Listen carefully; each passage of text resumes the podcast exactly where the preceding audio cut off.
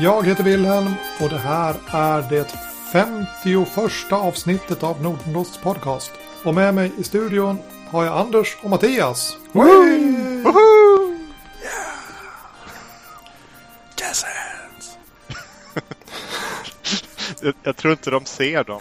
Nej, men de får ju föreställa sig. Det är därför jag gjorde effektröst liksom. Ja, Det är bra radio. ja, alltså det är tur att det inte är tv. Eh, jag hade... Jag, jag fick hålla för webbkameran när jag slog igång hangouten här för att det är för varmt för att visas på bild. Menar du att du inte har några byxor på dig? Eh, jag är... eh, har anpassad klädsel. Det tycker jag låter lämpligt. Ja, vi, vi fördjupar oss nog inte där. Men alltså det är, det är varmt.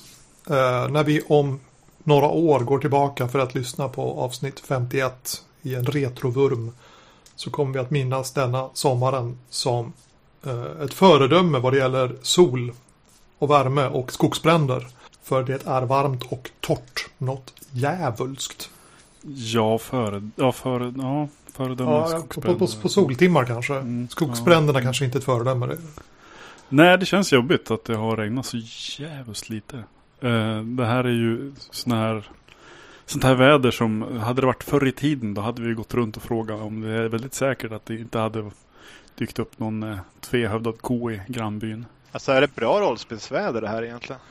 Ja, jag vet inte, jag, jag kan ju säga att jag var på en spelhelg. Vi spelade eh, fem eh, pass rollspel på fredag, lördag, söndag sådär. Och det var väl lite slitigt. Ja, men jag kan tänka Men det som är bra med den här sommaren, om man nu ska säga någonting om, fint om värmen här, det är ju att det är ganska myggfritt. Åtminstone här uppe. Eh, Det brukar vara betydligt mer mygg. Det är, lite mer flugor än vanligt. Mm, Och då tänker man ju så här att det kanske lämpar sig att flytta ut spel eh, platsen och sätta sig utomhus istället. Det kanske blir drägligare då. Är det något ni har provat i någon större utsträckning att spela utomhus? Förutom live då? Jag har eh, två starka invändningar mot att spela utomhus. Mm. För det första, det blåser så man måste liksom hålla koll på rollformulär och sånt där. Och utomhus finns mundanerna. Och de tittar misstänksamt på en när man pratar rollspel. Eh, Så tänker jag att du sitter på en blåsig eh, allmän plats. Eh, det är Ja, typ i, du, nå- i någons trädgård med några solande grannar på andra sidan häcken. och du tror inte med lite planering att du kan, kan komma runt de här två problemen? typ lä och undanskymt. Ja, det, det är de erfarenheter jag har av att spela utomhus. Alltså de gånger jag har spelat utomhus, då, det har faktiskt varit myggen som har varit värst. Jag minns att jag spelat någon gång nere vid, vid Tuna strand. Försökt spela Krugals Vilses hemlighet från Sinkadus där. Det är typ i något tält. Det var, det var varmt och myggigt. Det var lite svårt. Men jag tänker mig just, just i och med att myggen lyser med sin frånvaro så kanske det hade gått lite bättre. Men ja, jag har inte provat. Ja. Ja, jag är ju uppvuxen nere på västkusten. Mm. Och det är ju inte myggtrakter alls. Så att det har inte varit en, eh, en, en faktor i min barndom. Nej, men det är mer folk där. Jag förstår, jag förstår din poäng. Där. Ja. Mm. Mm. Ja, jag har inga direkta erfarenheter heller. Jag har kanske spelat ut det någon gång sådär. Eh, någon gång funkar bra och någon gång inte så bra. Eh, På inrummet eh, på Gothcon så hade vi ju tagit en, en eh, lokal som var då på hörnet av en byggnad. På en gavel liksom. Och hade ut plats utanför. Och det har väl spelats där med viss framgång. När det inte har varit så blåsigt. Så att. Det känns ju annars som att alltså, litet piggt samberättar-indiespel och en lägereld känns ju inte helt sådär väsensskilt eller? Ja, ja, ja, ja kanske. Kanske. Historier runt lägerelden? Nej, inte Mm. någon? Jo, Nej, ja. ingen? Nej. Det ska spelas inomhus? Alltså om man, om man bara sitter och eh, vid ett lägereld och leker ett någon sorts eh, berättarlek. Det är inte seriöst. Man ska spela ett pass the stick rollspel vid ett bord. Så man, folk förstår att man är pretto liksom. Ja. Ja, men då, då vi, vi lämnar det där. Vi, rollspel görs bäst inomhus. Ja, ja men alltså, för, för att nu inte, inte lämna det här utan fortsätta på denna glorious tangent. Eh, så alltså, när det begav sig att vi spelade utomhus, gjorde de här försöken. Då var vi också i allmänhet av åsikten att rollspel är bäst när det är stämning och stämning kommer per automatik när det är mörkt. Gärna att det ska vara så förbannat mörkt att man måste hålla upp rollformuläret mot ett levande ljus så att man kan läsa det. Med, med risken då att rollformulären börjar fatta eld och sådär. Eh, Patina. Du menar va- Ja. Vampire och Fågelsången och lite solljus är inte någon... Nej, Nej. Ja, jag nej. kan se det. För att byta tangent så kan vi kasta oss eh, raskt till någonting helt annat. Från lägereldar och, eh, och grilla korv så kan man gå till varmkorv. Och det är nämligen så att alldeles nyss har det varit varmkorvens dag den 23 juli. Visste ni det? Nej, men tangentkanten gick upp med ett där så jag, har... Ja, jajamensan. håller koll. Så jag fick reda på att det var varmkorvens dag efter att jag hade ätit varmkorv till middag. Så, så att eh, nu idag när jag visste att det var varmkorvens dag igår, då har jag varmkorv igen. Men kanske var mest var det för att jag hade bröd kvar. Ja, ja. Är varmkorv en bra rollspelsmat? Det är väl inte den värsta alltså? Nej, det är inte värst är det inte. Det, jag vet inte det, det är väl ingenting man står sig så jävligt på. Gothcon har jag ätit en ruskig massa varmkorv i samband med, eh, vad heter det? Rollspel. Rollspel kan det heta. Ja, det, det, det tydligen det den här podden handlar om ibland. Någon gång ibland. Eh, ja, ja, men absolut. Jag har också käkat en hel del gothkorv som de kallar det. Eh, men i, I år så tror jag inte jag gjorde det alls. Nej, jag, köpt, Jag åt köttbullar. Ja, jag åt köttbullar Jag också. vet inte ifall de hade korv också. Ja. Men jag vet att jag fick en väldig massa köttbullar för de här spelledarlapparna.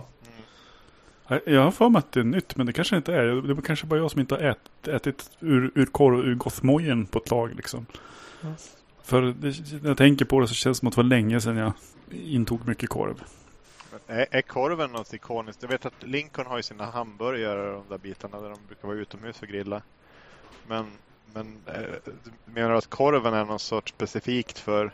Ja, alltså jag har hört mina yngre rollspelsvänner diskutera alltså eh, korvätningstävlingar och sånt där. Just i samband med Gothcon. De där korvarna är ju ganska billiga. Mm. Så att det är ju, ska man köra en korvätningstävling i, på offentlig plats så är det ju ett ganska bra tillfälle att passa på där. Mm, Sen nu tror jag det här med, vad är det det heter? En, en halv eller en hel special är väl lite grann en Göteborgsgrej tror jag också. Göteborgsgrej. Att ha eh, två liksom eh, varmkorvar med bröd och sen mos ovanpå i princip. Det ovanpå en hel? Ja, jag tror det. Mm. Så det är lite av en Göteborgs specialitet, tror jag. Mm. Nå, eh, nog om korv kanske. Ja, det känns uttömt. Är det, någon som, är det någon som har spelat någonting? Nej, det har inte blivit något mycket. Egentligen, ja, det beror på hur man räknar. Jag har inte varit med sedan Gotcon så att jag antar, på vad ser det, ser det på det sättet så har jag ju spelat någonting. Men, men det har faktiskt blivit väldigt lite. Dels på grund av hettan, men sen det är ju lite andra aktiviteter när det är sommar helt enkelt. Eh, så inte inte blivit så mycket. Jag har skrivit lite grann, men vi kanske kan komma till det senare. Har ni spelat något? Jag har inte haft tillfälle att sitta vid ett spelbord sådär. Men jag har spelat mina elektriska spel. Eh, Burning Empires och Until Dawn. Och båda har drabbats av sommar. Så att Aj, aj, aj. po- po- postcounten har, har gått ner till en tredjedel av vad den var innan sommarvärmen kom. Sådär. Men båda spelen har haft scener sedan vi pratade sist. Så att det, det är inte... Det har inte stannat. Det går bara sirap i det. Men du spelar med utlänningar där, eller hur? På båda Ja, men am- amerikanerna de tar också ledigt på sommaren. Ja. Jag, jag tror inte att de får lika mycket gratisledigt sådär. Men de har varit lediga med besked. Mm. En vecka eller två veckor ut och varit ute och rest och sånt där. Hälsat på familjen och grillat. Ja, just. Men jag har ju inte gjort det på det viset i alla fall då. Så att jag är nu klar med mina prologscener. Och eh, den spelare som är längst bak då har inte... Eh, han har gjort en av sina fyra prologscener. Så att han, vi väntar egentligen på att han ska spela massor. Mm. Han ligger efter. Han ligger efter men han har varit, eh, varit sjuk en vända och varit ute och rest en vända och sådär. Så att han, han har giltigt förfall men Kan vi få en uppdatering på hur det går med Daniel Steele-författandet? Eh, har du gett ja. Nej, nej, nej jag, jag fortsätter. Jag fortsätter. Jag har minskat ambitionsnivån i page-counten lite grann då för att de andra ska få... Att jag inte ska måla in alla de vita hörnen på kartan själv då, utan de andra ska få fylla på lite grann också. Eh, men det rullar på. Men spelet har inte kommit igång ännu och det här centrala stora grejen är ju då att jag ska bedra min man. Det är en sån Daniel, Daniel Steele-tråp. Och den jag tänkte jag skulle vänta med till spelet faktiskt är igång. Och inte bocka av den också redan i prologen. Det hade varit lite trist.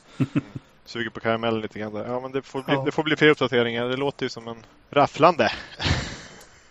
Men Anders, du har spelat massor. Du har varit på uh, huskonvent. Jag har varit på huskonvent och så nu allra senast spelade vi det femte av fem spelmöten i Masks.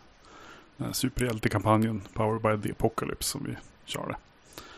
Eh, lite grann som en spin-off av att vi tyckte men det här var ett jättetrevligt spel när vi spelade på eh, Gothcon några stycken. Och, eh, ja, den var ju senast, jag tänker jag tar det först. Eh, det visade sig vara en historia inte om hur, hur vi blev lyckade superhjältar i ett, i ett tajt gäng utan hur vårt eh, första superhjältegängsförsök sprack. Eh, en, en dålig stöt som för att hjälpa den, den eventuellt så här lite halvkriminella medlemmen i gänget eh, gick riktigt åt pipan. Så att eh, min, eh, min rollperson åkte i fängelse och läste klart sin juridik där.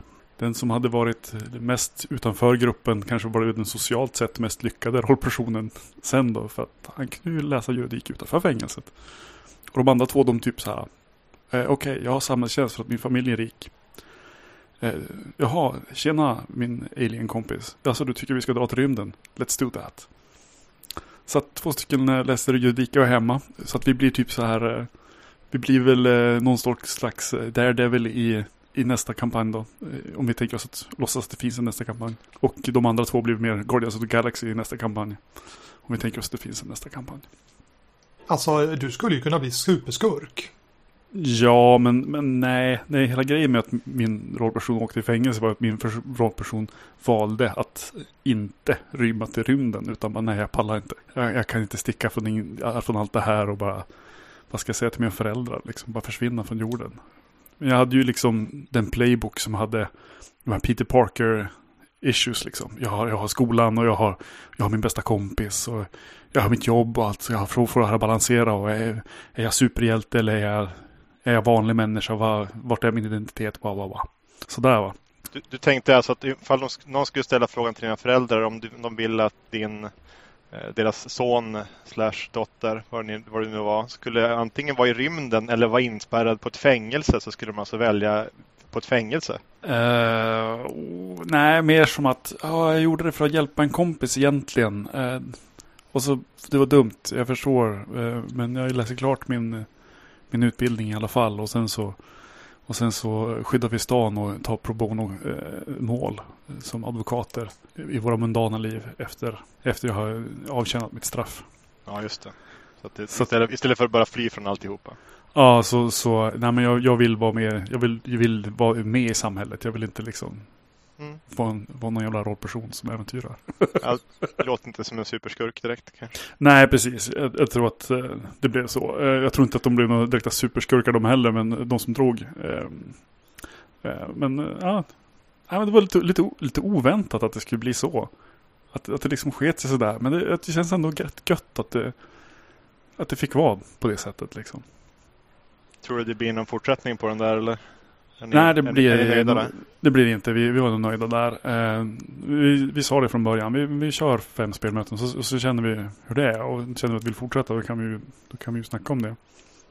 Eh, som det är nu så ser det ut att de flesta i gruppen återkommer för att spela Apocalypse World istället med annan spelledare.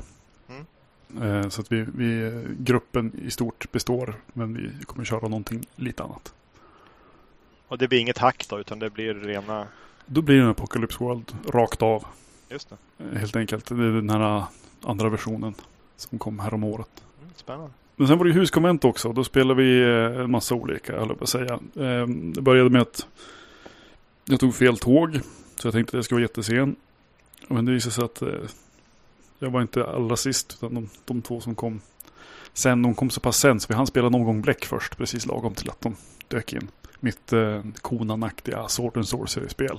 Och eh, sen kom de och så började vi snacka lite om Vad ska vi spela? Ska vi spela någonting seriöst eller vad ska vi göra? Någonting? Och så kom vi fram till att jag har aldrig testat Drakar och Bananer. Som är ju flitigt omnämnt spel som inte heller finns, precis som Bläck.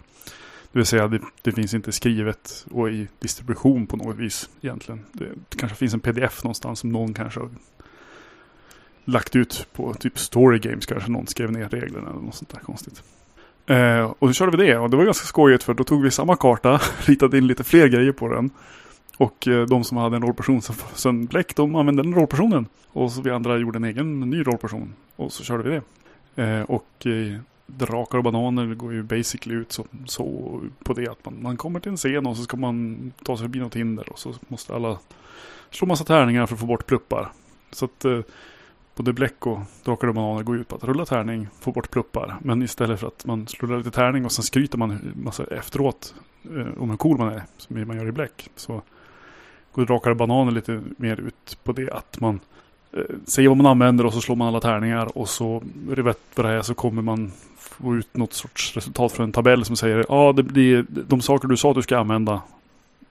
Och eh, att det, ska, det här ska också vara med. Det ska gå med att eh, ett lyckligt sammanträffande eller att eh, det är någonting som går jätte på tok eller någonting mer specifikt i vissa fall. Att någon blir sårad liksom. Eller någonting. Men det var eh, berättarspel liksom båda två. På mm. lite olika varianter. Men båda handlar om att eh, ha ja, man utmanar det kreativa egentligen och spelar. Det är inte så mycket, inte så mycket rollspelande liksom. Alltså Drakar och Bananer låter ju väldigt plojigt. Men det, det, du tycker det är lite spel i det ändå trots, trots namnet. Det låter jag, jag, har ju, jag har ju bara hört namnet tidigare och tänkt att ja men det är väl någon parodi på det. Men jag har liksom aldrig riktigt fått det förklarat för mig. Uh, ja, alltså det är ju eh, det är ju ett spel som går ut på att uh, utmana de som spelar till att hitta på grejer bara. Och då blir det ju inte alltid så himla tajt utan det blir ah, och så slänger jag mig över den och välter den över sköldpaddan så att tunnan går sönder. Okej, okay, ja, så kan det hända. Men om vi kör vårt nyfunna litmustest på det här. Går det att spela Daniel Steele-romaner med Drakar och bananer-skalet? Eventuellt. Jag, jag, tror att de här tabellerna med saker som ska in kanske inte är så lämpande. Så det kanske skulle gå att skriva om ett, ett, eh, ett Drakar och blondiner eller någonting sånt där. Ett Daniel Steele-hack till Drakar och bananer. Låter ju som att det kan hitta en publik. Ja. ja. Det är ett spel som har spelats en hel del i Inderum, eh, Inderum ett arrangemang här och där. Ofta när man får in yngre spelare. Mm. För det är inte så mycket, det är inte så mycket roll utan det är mycket mycket bara hitta på. Jag tycker det var kul att ha testat. Jag kände inte nödvändigtvis att det är någonting jag behöver spela återkommande. Jag skulle inte banga på att vara med en omgång till och sådär. Det, det kunde gå, nu, nu slog vi ett tärning så att det finns ett liksom brädspelsmoment i att man slår en tärning över hur många steg framåt på kartan man ska. För man ska ha liksom som en snitslad väg fram till slutmålet. Mm. Och slår vi då som vi gjorde, vi gjorde att vi slog typ sex steg hela tiden. Då, då behövde vi bara spela typ tre utmaningar innan vi var framme på framme i liksom ormarnas träsk. Och skulle ta oss in i templet för att få maktordet. Så vi kunde starta det nya imperiet. Mm. Ja, typ så. Det, det, låter, det är lite spännande för att jag, jag börjar närma mig någonstans. Det är när jag sitter och skriver på, på Our Ship. Så jag börjar närma mig någonstans där också eftersom att jag vill få in eh, ett moment där man jobbar mot något sorts gemensamt mål som är liksom så att säga förutbestämt. Det är inte nödvändigtvis en spelledare som har dikterat det där utan, eh, utan spelledaren är med och driver till, mot, det där, eh, mot det där målet. Men det, det är liksom nästan, nästan brädspelsnivå på att det är en utmaning som måste övervinnas på något klurigt sätt så att säga. Och det, det låter ju inte helt olikt drivmotorn som, som Drakar och Bananer har. Då, att man, liksom, man har någon sorts progress som man jobbar mot, eh, mot gemensamt. Då. Ja, jag tror det kanske har ett ännu intressantare spel att, att berätta om eh, alldeles strax. Jag tänkte jag ska ta det vi spelade ja. under helgen i, i kronologisk ordning. Mm, spännande. Eh, för det, i så fall var det här fredag och så på lördag då spelade vi, nu tror jag att det hette Rök över kanton. Första delen i Plommonkrönikan. Basically handlar alltså om, om en eh, familj som, som är med och smugglar opium under opiumkriget. Eh, eller strax innan opiumkriget bryter ut ska jag säga. Och ett familjedrama liksom. Och eh, en, eh, jag spelade den ingifta frun från landet liksom. Min bror har lyckats med den här, min, min ny, eller vår familjs nyvunna rikedom tack vare att jag har gift mig rikt liksom. Har lyckats klara det här eh, kejserliga testet för att bli, vad heter det, magistrat liksom. Eh, lite så här polis och ämbetesman på något sätt. Och han är ju egentligen jätterättrådig och tycker inte alls om opium och har väl kanske inte riktigt på riktigt fattat att det är det vi är rika på liksom. För min make är ju handelsman, men han handlar ju med opium. Eh, och det var väl lite grann av, på sätt och vis, ett, ett Apocalypse World-hack. Men inte som man föreställde sig. För det var inga tärningar inblandat, utan här fanns det moves, väldigt förenklade.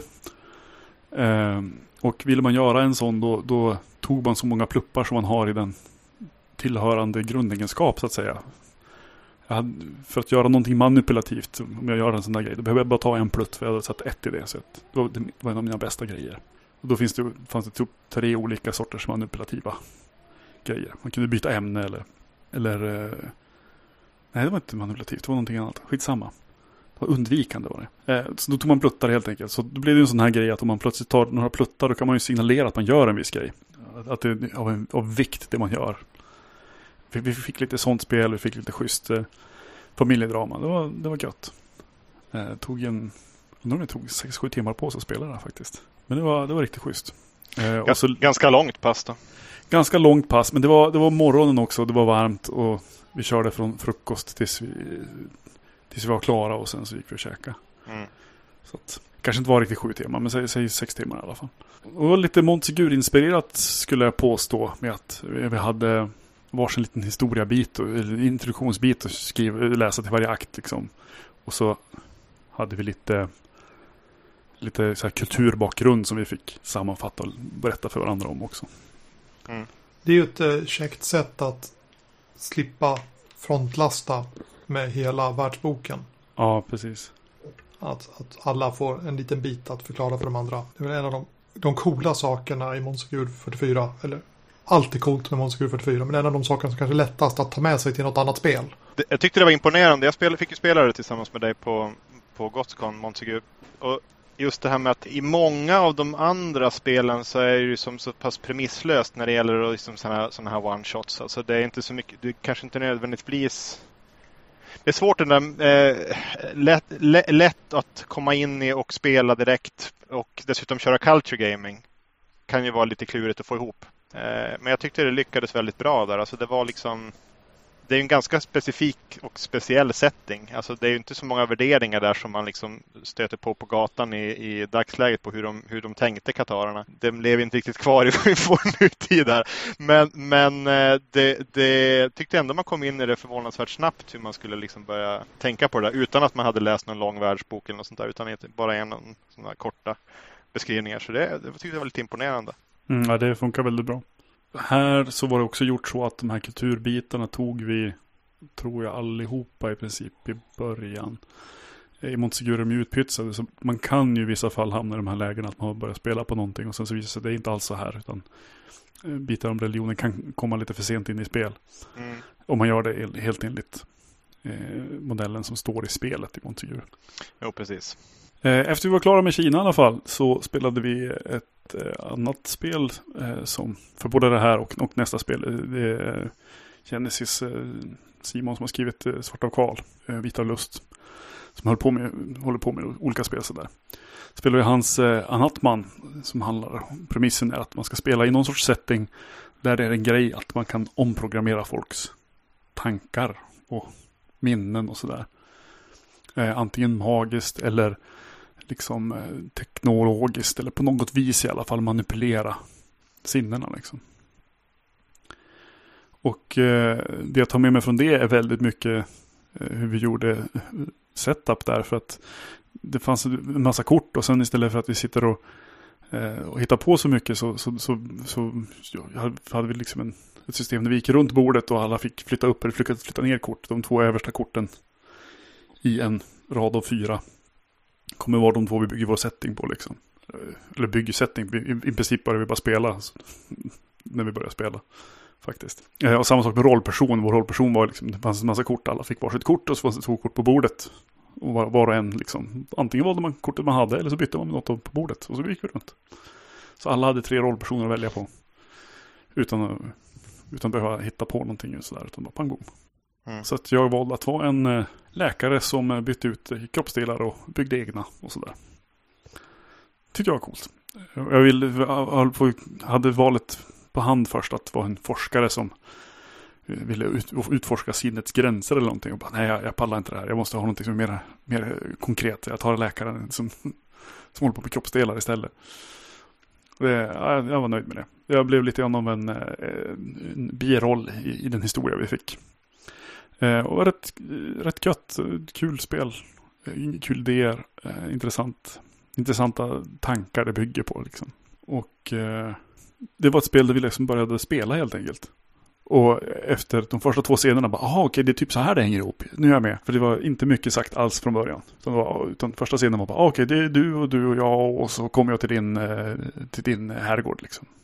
Och så började vi, börjar vi snacka och så började man förstå då att Eh, det kommer att handla om den här Pierre som hade trott att hans eh, syster dog i en bilolycka. Men inte gjorde det. Och eh, det visste inte han då. Så att han har ju gått och, eh, till, till det här templet som fixar lite uppdateringar och förändringar i huvudet. Och helt enkelt stängt av det mesta av känslolivet. Liksom. Och sen frivilligt skrivit in sig som slav istället. Med, under premissen att man blir lite jämn, jämnöjd liksom. Om man har stängt av de här bitarna kan man lika gärna vara slav. Ja, så var, det var schysst.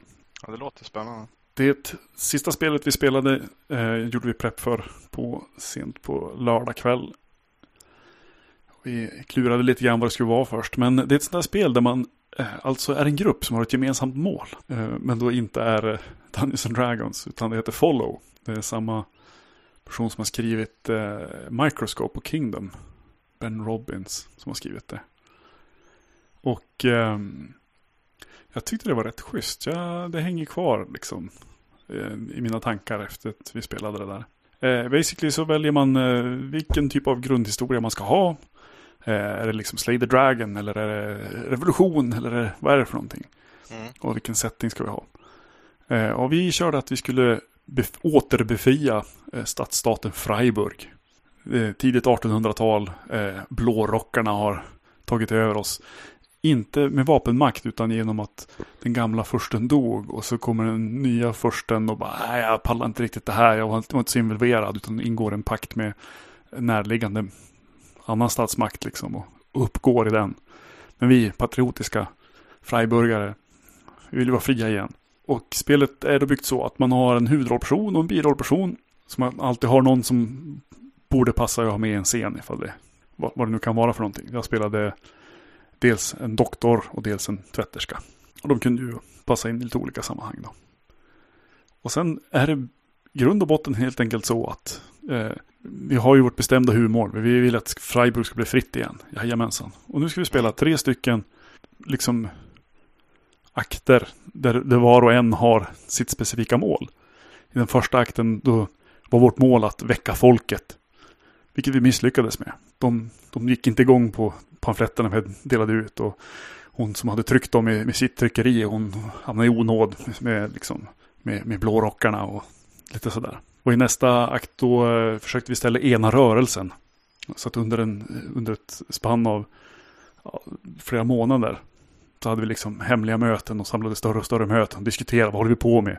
Började skriva konstitution för att den dagen vi faktiskt liksom gör oss fria då måste vi, då måste vi vara ensamma om vad det ska bli för någonting. Och det, det var en av de schyssta grejerna med det där. Att, att ha det här långa tidsperspektivet.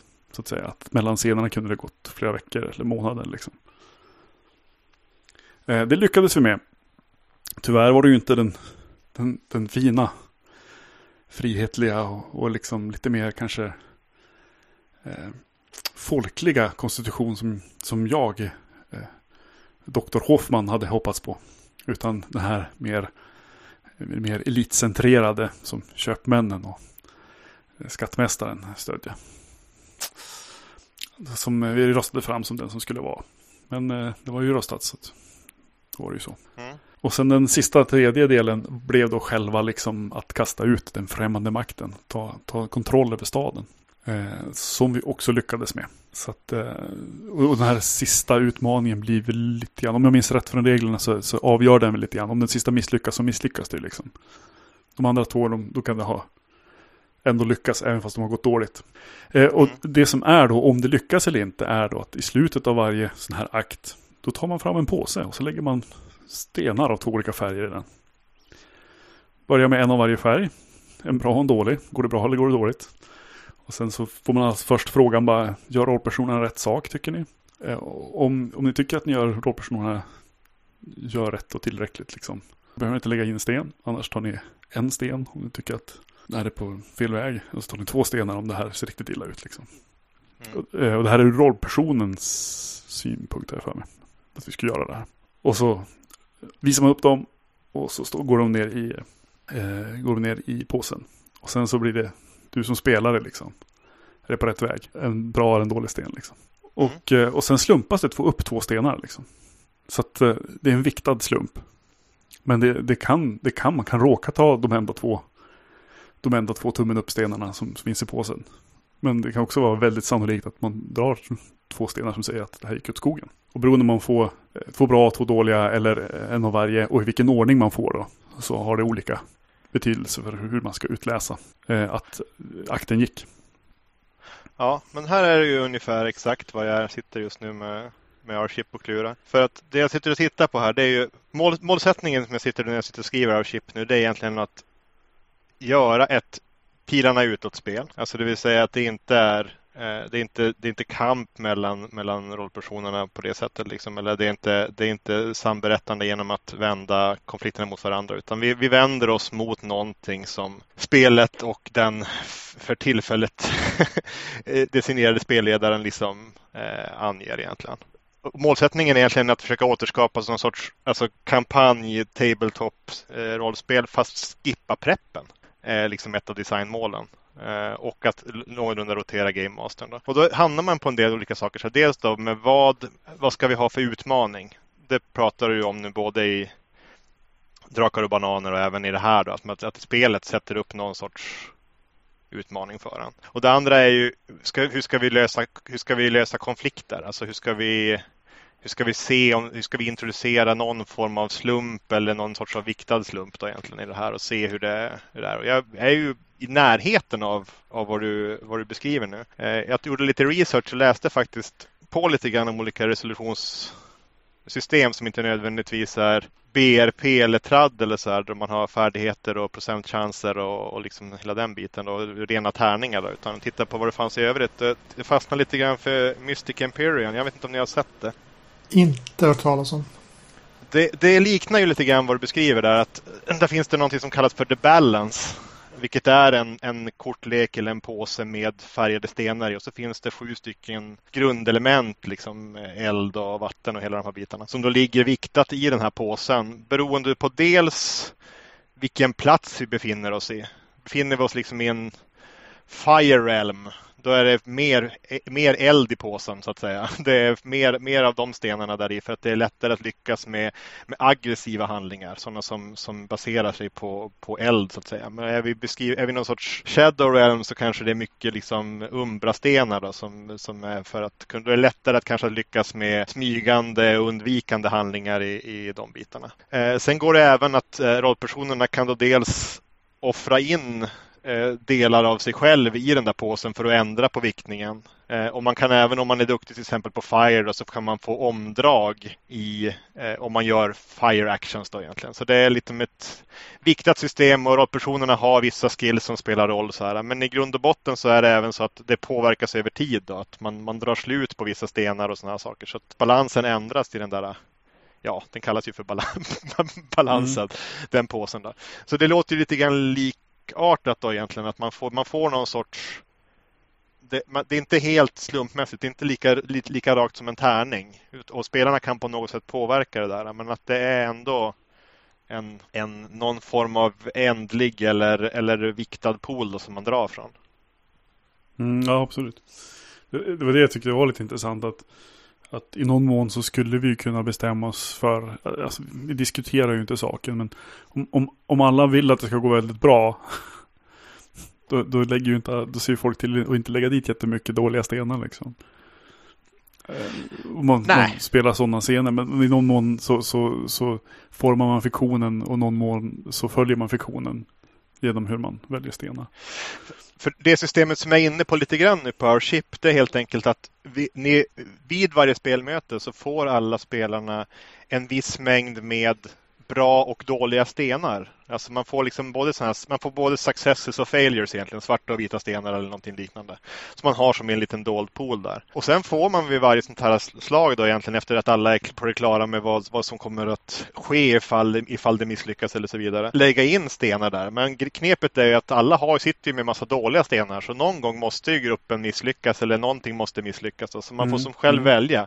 Men man gör det där dolt hela tiden. Så att man ser bara utfallet. Man vet inte exakt vem som har lagt in vad. Trots att man har gemensamt mål. Så jag funderar Ja. lite på om det kommer funka eller inte. Om det där kommer bara bli någon sorts... eh, målsättningen är inte just nu att skapa någon sorts mullvads system då man sitter och pajar för varandra i, i grunden utan man spelar ju fortfarande mot spelet men på något sätt måste man ändå säga, ta ställning till om man, är det här som det, som det är lämpligt att misslyckas. Och på det sättet även få att rollpersonerna inte, att inte lyckas med allting, att det faktiskt blir motgångar, att det blir kom, komplikationer och så i själva historien. Då. Vikta in det. I Follow så fanns det ingen ekonomi i det där utan, utan vi plockade fram så att alla hade tre dåliga stenar och en, en bra. För det är det enda vi kan lägga med, med liksom. Mm. Upp till tre dåliga stenar. Eller, eller noll till två dåliga stenar och en bra liksom. Och då blev det istället lite spännande. För, för i den takt med att vi avslöjade vad vi kommer att lägga ner i påsen så blev det ju spännande hur det kommer att gå att dra. För att vi förstod att nu är det dålig chans. Mm. Och ändå så tror jag att vi drog dubbellyckat på slutet. Har jag för mig. Eh, sådär. Så, att Mm. så att jag, tyckte det var en, jag tyckte det var en ganska bra grej i det här sammanhanget. Då blev det spännande att dra. För anna- annars är det ju helt blint liksom. Nu, nu, nu visste vi någonting om oddsen. Precis, för att tanken där när man, man gör den där poolen i, i Our Ship då, som det ser ut nu. Det är helt enkelt att du, du lägger allting dolt i en kopp och sen så vänder du på koppen. Lyfter den och så räknar ni. Så att det blir liksom det här, det blir egentligen det reveal där som blir det spännande. Ja, Okej, du ska inte slumpas ur kroppen. Nej, du, du drar inte än utan du kommer att se exakt vad, vad, vad, sammansättningen var. Mm. Eh, så, att, så det är det som är grejen också. Ja, Det blir det, liksom- det är en röstning snarare än... Du ska inte det blir en slumpa röstning, det blir en okej. röstning precis. Ja, just det. Ja, då, sen, kan, sen, sen kan röstningen vara lite olika viktade. Så vissa, vissa slag kan, kommer vara svårare än andra. Liksom. Om det är liksom spöa på Big Bad i slutet så kanske det är svårare än eh, typ prata med någon så att de inte eller reparera skeppets motor till exempel i mitten av, mitten av akten så att säga. Kanske Mm. en enklare saker att göra än, än, än, än den stora slutkonfrontationen. Men, men eh, det är just det att man, att man får den här revealen att, och visa liksom att så, så, här, så här blev det. Och sen kan man börja spekulera vem som la vad, men man får inte prata om det. Det mm. det, och vem som, har- vem som har kort. Jag vet inte, det kan, det kan bli intressant. Det, jag tror det är någonting man måste speltesta. Men det var, det var i alla fall Ja. ett försök att inte bara trycka in en tärning där och Mm. lägga in, börja lägga in färdigslag i någonting som i övrigt ser ut som att det kan vara, ha lite eh, vissa traddtendenser ändå. Alltså målsättningen är inte att skriva ett, ett rent eh, superregellätt eh, spel utan det, det blir någon sorts, om man skalar bort allt rollspelande så blir det ju någon sorts brädspelsscenario i bakgrunden ändå. Det kommer att bli någon sorts, eh, vad ska jag säga, det låter lite grann som Follow hade det också att, att om, om man tar bort allt rollspelande och bara tittar på, på ehm, eh, på själva mekaniken bakom så, så är det ändå någon sorts spelsystem i bakgrunden som tickar, alltså med svårigheter och så vidare. Fast du- fast- fast- fast jag- fast jag förstod lite grann som att- Är, är, är det här att du jag kanske, bestämmer- jag kanske har eh, en bitar här som, som kanske saknas för att det ska få en bra bild. Eh, för den här, den här eh, stenarna som vi drar, det, det är slutet på akten. Och fram till dess kommer varje rollperson, eh, kommer varje person ha satt en scen. Och, och i en scen, ifall man vill lyckas med det extraordinära i en scen. Eh, eller om man, ja sådär. Då kommer, då kommer någon säga, ah, det, där, det behövs någon konsekvens för det där. Det vill säga, för att du ska lyckas med det extraordinära måste någonting dåligt hända en annan figur. Eh, så att i, eh, i sista, eh, i min scen på slutet. Eh, när, jag skulle, när vi skulle ta och storma eh, klocktornet eh, eh, vid, vid torget liksom. Eh, så säger man, ja det behövs någon konsekvens för det här. Ja men inga problem, min son blir skjuten. han, han stod, ju, stod och ska hålla tal på torget liksom, så här, frihetligt tal på torget. Eh, och vi stormar in där för att hänga, hänga den gamla flaggan från, från klocktornet liksom. Och han blir skjuten precis som han håller på att ta, ta till orda. Bara, Vänner, Freiburgare. Så det, var, det tyckte jag var jättegött. Eh, och sen så, så, så var det det liksom. Eh, så det fanns liksom ingen, ingen eh, slumpresolution någonstans. Eh, och, och det blir också så att det här valet med stenarna, det är helt meningslöst om vi inte har spelat scener och, och, och ta ställning till. För gör rollpersonerna nog? Är de på rätt väg eller är det här fel väg att gå? Ja, precis. Men då, men då blir det nästan som att ni sitter som en Ja, jag vill inte säga jury, men, men, eh, men nästan. Jo, men alltså, jo, men att ni, ni, ni är betraktarna helt plötsligt och sen så är det egentligen det ni, det ni egentligen tar ställning till där. Det är inte Ja, det är som ett, det är en tvåstegsprocess. Den första gången vi lägger stenar så lägger vi dem som vår rollperson. just det. Eh, för om jag tycker att allting är på rätt väg och allting går bra, då lägger, vi, då lägger inte jag en liten sten. Eh, tycker jag att vi inte kanske inte riktigt på rätt, åt rätt håll, då, då lägger jag en sten. Mm. Och tycker att det här är helt fel sak, vi gör, vi gör fel grejer, det kanske till och med motarbetar dem, då lägger jag två. Och sen kommer frågan till mig som spelare, eh, liksom, bra eller dåligt, bra eller dåligt. I princip. Men när du säger spelare där, menar du då egentligen alltså samberättare? Alltså vad, vad är... eh, För, för det, i, det, I det läget så är ni... För det första låter ju som att du tar ställning till hur rollpersonen reagerar på det. Ja, precis. Den andra biten, vad, vad, har, har du för kriterier som spelare? Är det, är det bra för historien eller inte? Nej, jag kommer inte ihåg vad det- frågan var, eh, hur det var formulerat. Men basically så är det ju bara, vill jag att det ska gå bra, då lägger jag ju en bra sten liksom. Ja, just det. Och jag tror att jag la en bra sten alla gånger. Ja, och, och, och eh, nej, sista gången kanske jag inte gjorde det. Ja, jag minns inte exakt hur det där var liksom. Det, det, var, det var någon sorts kriterium att gå på i alla fall. Och ena, ena gången är det in character och andra gången är det som spelare liksom. Mm. Så jag tyckte det var intressant. Vi spelade, jag tror att vi spelade en te- speltestversion egentligen. Så jag vet inte om det har ändrats till köputgåvan. Jag har inte, jag har inte lagt upp slantarna och skaffat mig en pdf än. Jag tänkte att jag ska göra det för att jag, jag gillar det. Eh, Jag gillar den här enkelheten i att också att det enda som behövs för att eh, som resolution så att säga. Vill du göra det extraordinära, ja men då måste du, då måste du Ja. ge, ge en annan rollperson eh, någon, en, någon liksom negativ konsekvens. Mm. Eh, och det ska väl vara som direkt effekt av dina handlingar egentligen. Så det är inte, det är inte helt slumpmässigt sådär att eh, det är inte- inte butterfly-effekt utan det ska ha, det ska ha ett samband. Liksom. Så att eh, det blev av att vi brottades om geväret vid, vid tornet, ja, så går, sprinner skottet av liksom. I, I det här exemplet som jag tog. Men eh, det är ju som vanligt, spela ett spel med lite schyssta mekaniker. Så bara, åh, kolla, schyssta mekaniker. Åh, tänk om man skulle kunna göra så här med det här spelet. Eller så här, så blir det ett annat spel. Och så kommer jag tillbaka till verkligheten och bara, äh, vänta ett tag, vänta ett tag. Eh, jag vet inte alls om det här stödjer det jag vill att det ska vara. Åh, varför är allting så svårt? Ja, det, det är väl det man kommer fram till när man sitter och funderar på. Det, för just det här sådana saker som, är det spelaren? Vad vill spelaren egentligen? Alltså det, ska, man, ska man introducera någon sorts motivation som till exempel att ja, men vi, vi ser det som en, som en utmaning som gruppen. Vi vill försöka klara av kampanjen. Alltså vi spelar egentligen ett spel, ett, ett, ett eh, co-op-spel mot spelet.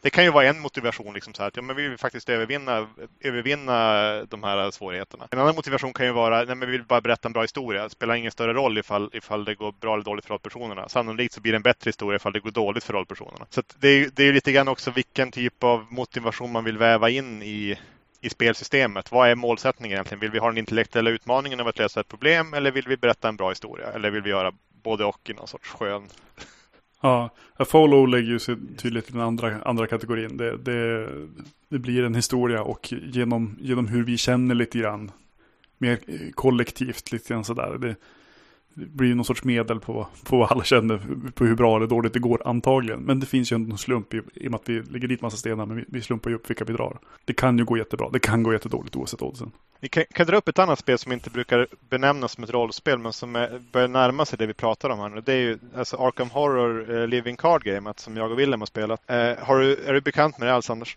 Alltså jag kanske har sett något kort någon gång. ja, det, det räcker väl. ja, det, det är rätt det är kort med. Nej, men alltså där är det ju det är scenarion som, och där, ehm, där utmaningarna kommer i form av ehm, olika mekaniker och det, det liknar lite grann det vi, om vi, om vi skalar bort en del av rollspelandet så, så sitter vi nästan och pratar om samma sak här då. Det, det är så att det, det, det är ett brädspel, det är val, det, det är konfliktresolution, det är någon sorts, det är någon form av progression mot ett slutmål och sen så kanske man lyckas eller inte liksom så här. Men där spelar man ju uppenbarligen ett spel tillsammans liksom. Där är ju målsättningen att, att klara scenariot. Det är vi ju alla införstådda med när vi sätter oss ner så att säga. Sen, sen kan det ju gå hysteriskt roligt och det kan bli väldigt svårt och jag menar det är ju ändå ett Call of Cthulhu-baserat spel. Det är liksom svårighetsgraden är i många fall uppdriven ganska, ganska rejält i de där scenarierna. Så det, det, kan gå väldigt dåligt för rollpersonerna. Men, men eh, det är ju nästan som en, ska säga, det, där, det, många av de där bitarna är ju, där kommer ju utmaningen från själva spelet. Mm. Mm. Och det är inte så himla långt ifrån att vi sitter och kanske börjar, börjar rollspela det som faktiskt händer. För det är ju, så, det är ju inte så speciellt abstrakta scenarion. Det är, ett scenario så börjar vi på en, en eh, nattklubb som vi ska infiltrera. Sen efter ett tag så triggar spelet igång att, det liksom, de, att de här gangstrarna som, in, som är i nattklubben liksom får nys om oss och börjar frammana monster och så vidare. Så det är ju inte jättelångt ifrån ett rollspelsscenario i det sättet. Men det är spelet som driver mekaniken, ingen spelledare då egentligen. Det, det är ju inte, det, det, är bara frågan om hur mycket, hur mycket rollspel man lägger på det där egentligen. För det finns ju, det finns ju definitivt eh, rollspel som där det är mer, eh, eh, vad ska jag säga, mekanisk motivation snarare mm. än storytelling som ligger i, ligger i bakgrunden. Alltså, det vill säga det här, det här konflikt och eh, mysterielösandet som ligger i, ligger i bakgrunden och motiverar istället kanske snarare än att eh, nödvändigtvis berätta en historia. Det är lite grann som, jag, jag föreställer mig lite grann att det är OSR-aktigt. Eller skulle du säga att OSR är till för att, för att berätta bra historia? Nej, det är det ju absolut inte. Eh, däremot är det ju inte så mycket en, alltså det är ju inte en, eh, vad ska jag säga, mekanisk spelutmaning. Utan eh, det är ju mer en, det är mer en friformig, mer abstrakt eh, taktisk utmaning i så fall ofta. Men, du men tänkte just motivationsmässigt, du vill lösa dungeonen, eller hur? Eh, ja, spelar man kampanj skulle jag säga att, att poängen är att gå därifrån bättre utrustad än, än du kom dit. Och det kan ju betyda att man eh, går därifrån utan att ha utforskat allt allihopa utan man kommer fram till att eh, om vi tar det här och springer nu då har vi gått plus något så jävligt. Och spelar du One-Off så är det mest att din, din apförsäljare ska få en, en tillräckligt episk död som, som avslutning eller? Ja, ja, kanske det. Ibland kan det vara så. Uh, i, jag, tror att, jag tror att göra hela dungeonen är ju inte nödvändigtvis en, ett, ett paradigm i OSR liksom. Eh, men eh, i senare DND så, så blir det ju mer av en sån grej. När man börjar bygga mot set piece på bossfight på slutet liksom. Sådana grejer. Då ska man ju gärna ha gjort hela dungeonen på ett sätt. Vi klarade Temple of Elemental Evil och sådär. Ja, jag har inte kikat på den så jag har, den har den inte ja, men som, som, som, ex, ja, men, ja, men som exempel, alltså just att, eh, att eh, det, någon sorts monumental eh, framgång, liksom att man har, man har faktiskt knäckt en, en, eh, en eh, känd och all, allmänt ansedd som svår dungeon till exempel. Ja, men visst, men det, visst, det är ju definitivt en grej. Så kan det ju mm. vara. Eh, och det har ju skrivits turneringsmoduler med, med liksom bedömningsgrunder Ja, så, så du, du går ju definitivt att köra. Eh, men det är kanske lämpligare att ha en, en dungeon som är skriven för det då liksom. Eh, på 1.8 så spelade vi ju Rens heliga lampa från, ja vart fanns den publicerad då? Det kommer inte jag ihåg. Eh, det spelades väl på något konvent någonstans. Och vi kollade på hur mycket poäng vi fick men vi hade ju liksom ingen att jämföra med. Så att, ja, det, det går ju att göra så. Men just den motivationen är lite svårt. Jag menar, vi, vi lirade, jag och Willem lirade ju något här i, det var ju, det var ju sommar nu eh, någon av de här Dungeons and Dragons eh, grottorna. Kommer du ihåg vilken det var, Wille? Vi spelade Wrath of Ashardalon uppdrag två eller tre eller något sånt där. Har jag för mig. Ja, och det är ju, det är ju typ Hero Quest. Ja. Alltså, ja. Fast utan spelledare. Fast utan spelledare, ja precis. Mm, precis. Mm. Men, det, men det är ju lätt att det kan, med för mycket liksom bara den typen av motivation så kan det ju lätt urarta till att det blir ett dåligt brädspel av det helt enkelt. Förstår ni vad jag menar? Det, alltså att det, om, det, om det nu är, man sätter sig för att spela rollspel så kanske det, det, det, är, no, det är inte bara den nödvändigtvis kanske den intellektuella utmaningen eller liksom den här, den här biten man söker. Nej, men det får man ju ta med sig till bordet eh, så, att man vet vad man ger sig in på. Håller jag på att säga. Det finns ingen, jag ser ingen grund för att eh, eh döma ut en, en starkt problemlösningsfokuserad DND-grupp eh, från att de skulle spela rollspel bara för att de inte gör fåniga röster. Liksom. Eh, men, men det, här är ju, det, är ju, det är ju väldigt stor skillnad speltradition sådär. Ska man spela, ska man vara en duktig svensk rollspelare eller på säga, då ska man stå och göra en fånig röst i korridoren och är man, gör man det i ett i Temple of Elemental Evil, ja men då kanske man får ett slumpmöte och sen är det kört. Då var man fimpat hela gruppen för att man skulle stå där och prata kalanka röst liksom. Mm. Så det är ju väldigt olika spelstilar och man går dit för att, för att göra olika saker. Liksom. Eh, och, man, och vissa mått av, av båda grejerna kommer ju ofta med lite grann. Men i olika mix sådär. Precis. Ja, nej, det, det, det blir den här typen av filosofiska frågor man hamnar på när man väl sätter sig börja skriva någonting och så tänker man så att ja, men varför då? då? Vad är det man vill uppnå egentligen? Vad är det för, vad är det för motivation? Varför ska man ens spela det här? Är det, är det värt att lägga de här timmarna på att skriva någonting? Och som, som, mm. eh, vad har spelet för självberättigande? Vem, vem försöker det vara för? I vilka lägen kommer vi vilja plocka fram det här jämfört med någonting annat. Eh, I de flesta fall så blir man bara lite deprimerad men man tänker efter lite grann och sen så slutar man skriva. Men det, man kan ju försöka hålla sig förbi det knölet i alla fall. Nej men det är ju det. Eh, spel, skriva spel är ju... Man måste ju hitta någon sorts motivation. Eh, och i vissa fall så, det finns ju en gamla, den här gamla rollspelet nu, det kanske till och med specifikt Krille som brukar säga det. Eh, ska du skriva Drakar och Demoner utan ankor eller ska du bara ta bort tankarna från Drakar och Demoner? Mm. Så här, behöver du, ska du skriva ett spel för det här? Är, är, är det det du gör liksom? Eller, eller ska du göra en homebrew, setting och spela i den liksom? Eh, och i vissa fall så kommer man helt enkelt bara fram till att ja, men jag skulle ha spelat den här grejen som är i mitt huvud liksom. Eller som är, som är känslan av den här serien eller någonting. Och inga spel jag känner till gör det.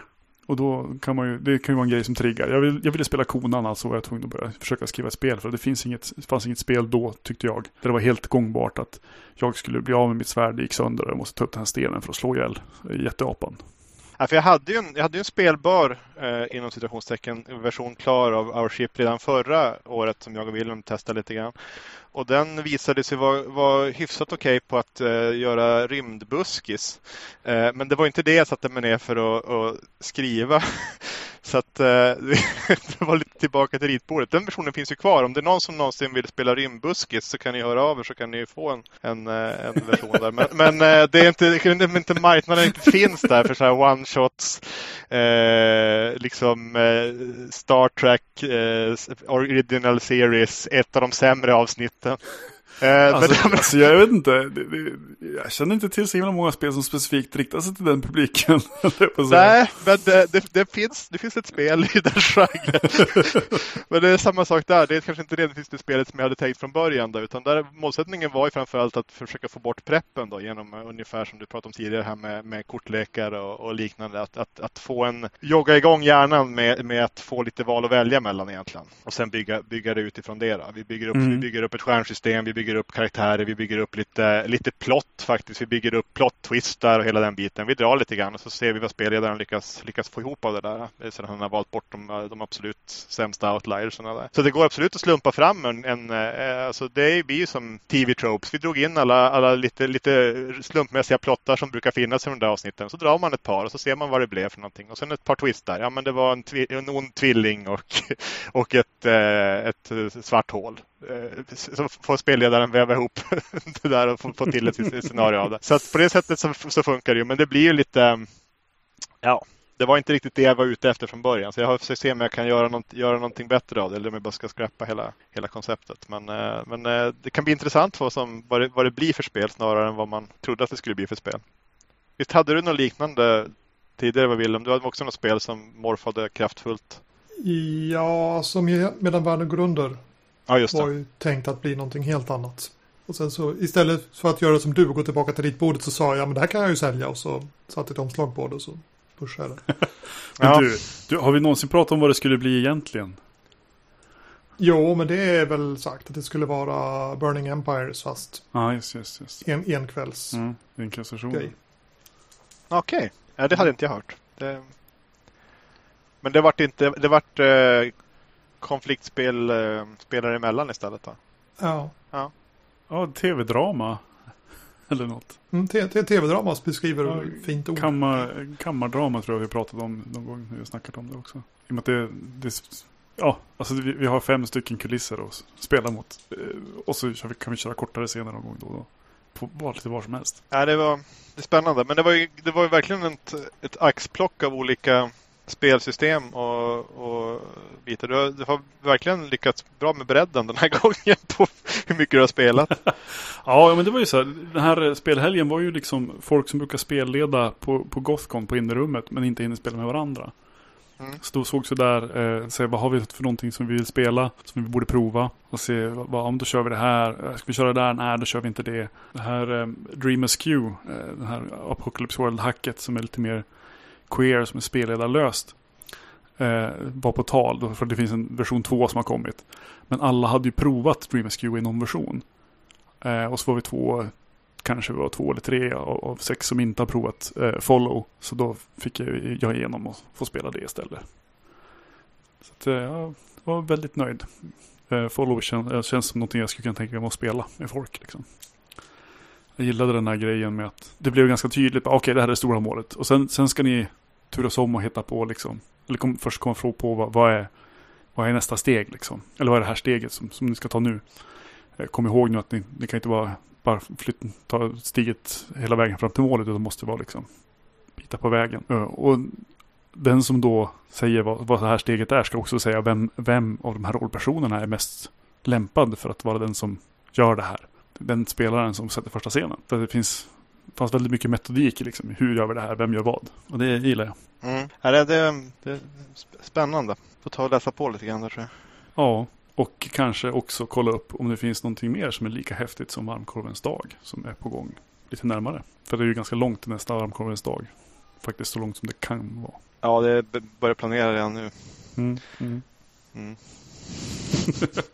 Alltså vi skojade ju tidigare om att Nordnordost har fler tangenter än ett piano. Men vår timme är slut och vi har inte ens hunnit nosa på dagens ämne för alla dessa fantastiska tangenter. Eh, så vi kanske får spara ämnet till avsnitt 52 istället. Hmm. Det, den som spar han har. Det, det blir många sparade ämnen. Ja, det var, Ja. vi, det var ja, alltså så, så kärnfullt så att det inte gick att följa upp. Ja, tack, Det, tack. ja, nej, det är mest det att alltså, den här listan är ju inte så himla lång egentligen. Ja, men vi betar inte av den särskilt fort heller. Så att, det är lite såna här... eh, Det är lite olika. Men vadå? Bestämde oss, vi inte, bestämde oss vi inte alldeles, alldeles innan någon tryckte på play att vi skulle prata om varför ska man skriva spel istället? Det tycker jag nästan vi, snosar på det. ja, det touchades. Det touchades. Ja, vi var där, vi var Eh. där i alla fall. Ja. Eh, Eh, Alltså, e- egentligen. Mm. Jag vet inte, vi ska dra över lite grann. För att jag vill egentligen pusha för en grej.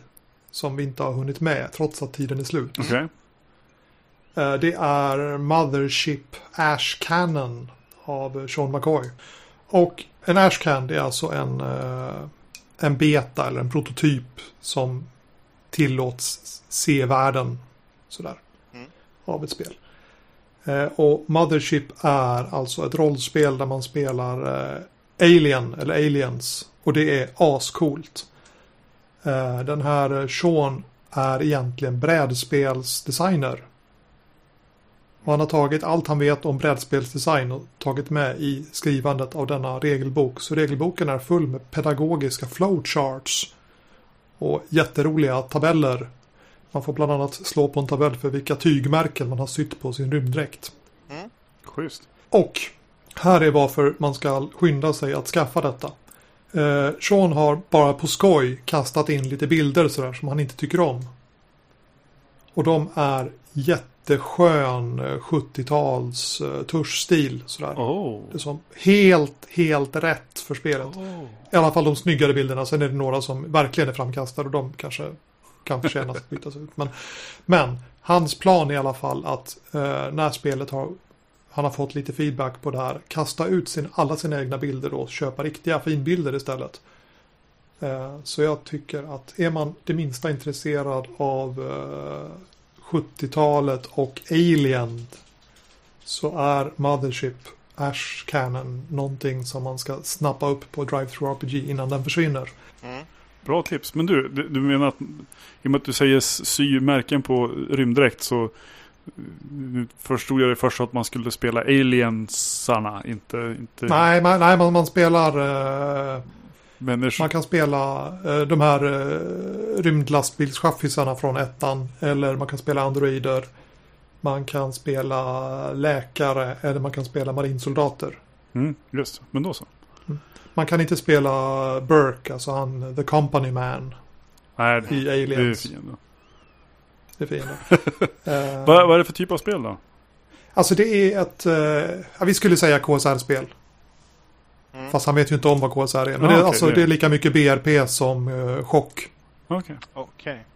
Man, man, man slår sina grundegenskaper med eh, 6T10 och de används sedan för färdighetscheckar. Och har man några färdigheter så ger de typ plus 5 eller plus 10 eller plus 15 på eh, grundegenskapslaget. Jaha, nu vet jag inte riktigt om jag ska bli besviken eller lättad här. För det var, när du beskrev det först så lät det nästan som att yes, jag behöver inte skriva Airship. Men eh, nu börjar jag... äh, Nej, Det det, här inte- låter, nej, det låter inte alls som din, din grej. nej, det var nej, inte nej, det är något helt, helt Nej. annat. Ja, men jag tyckte det lät så bra Eh. då med, med brädspelsdesigner och så här. Och sen så Ja. samma setting. Nej, men de har ju gjort ett rollspel, det är inte ett brädspel. Ja. Eh, och eh, det finns då eh, re- regler för hur man slåss, det finns regler för hur man gör rymdskepp, rymdskeppsstrid. Det finns erfarenhetssystem. Allt som behövs för att man ska kunna spela i den här scannen. Mm. Sny- världens jävla snyggaste rollformulär följer med. Mm. Och ett ascoolt eh, burpigt system för eh, att samla på sig stress och sedan få panikreaktioner när man blir skrämd av aliens. Jaha.